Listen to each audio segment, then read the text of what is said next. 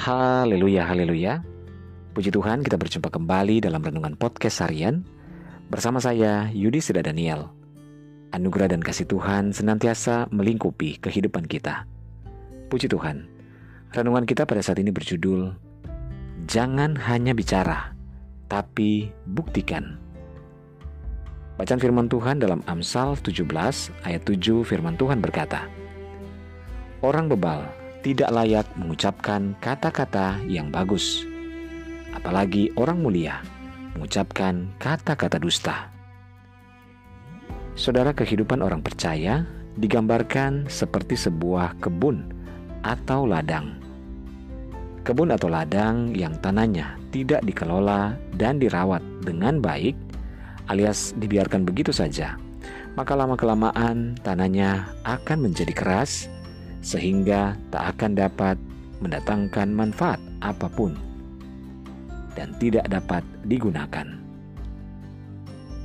Bisa-bisa kebun atau ladang tersebut hanya akan ditembuhi oleh rumput-rumput liar serta semak belukar. Sebaliknya, apabila kebun atau ladang tersebut dirawat, dibersihkan, dibajak, dan diolah tanahnya dengan baik, maka akan menghasilkan sesuatu yang baik.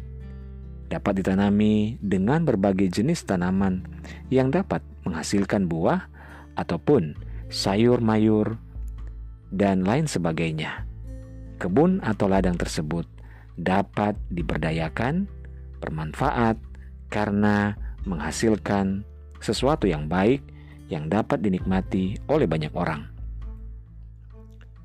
Seorang Kristen yang hanya mahir berkata-kata tanpa melakukan apa yang diucapkan atau perkatakan yang diperkatakan, maka seperti kebun atau ladang yang hanya dipenuhi dengan rumput-rumput liar, ilalang, ataupun semak belukar. Tak ada faedahnya sama sekali, sebab kualitas hidup seseorang dapat dilihat dari buah yang dihasilkan. Firman Tuhan dalam Lukas 4 ayat 43-44 berkata, Karena tidak ada pohon yang baik yang menghasilkan buah yang tidak baik, dan juga tidak ada pohon yang tidak baik yang menghasilkan buah yang baik. Sebab setiap pohon dikenal pada buahnya. Karena dari semak duri orang tidak memetik buah ara, dan dari duri duri tidak memetik buah anggur. Saudara, orang yang banyak bicara, tetapi tak ada bukti digambarkan sebagai orang bebal. Orang bebal tidak layak mengucapkan kata-kata yang bagus dalam nats kita tadi. Mengapa? Karena kata-kata bagus yang diucapkan oleh orang yang bebal, yang tidak takut Tuhan, itu tidak cocok sama sekali dengan perbuatannya. Begitu juga sebaliknya, jika ada orang benar mengucapkan kata-kata dusta, ia pun tidak berguna bagi sesamanya. Ada kalimat bijak yang mengatakan bahwa perbuatan lebih ber berarti daripada berjuta kata-kata indah. Dunia tidak butuh kata-kata manis atau kata-kata sembarangan, tetapi memerlukan bukti nyata. Oleh sebab itu, saudara, kita perlu mencermati dan kita perlu belajar menjadi orang yang bijak dengan kata-kata yang bijak dan bermanfaat. Jangan seperti gong yang berkumandang dan canang yang berkemerincing. Dunia tidak melihat seberapa mahir kata kata-kata yang kita sampaikan atau firman Tuhan dan ayat-ayat, tetapi yang dunia lihat adalah perbuatan kita atau buah dari pertobatan kita. Hasilkanlah buah yang sesuai dengan pertobatan. Mari kita berdoa.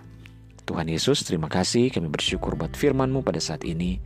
Mengingatkan kami Tuhan, untuk kami boleh sesuai dengan apa yang kami katakan.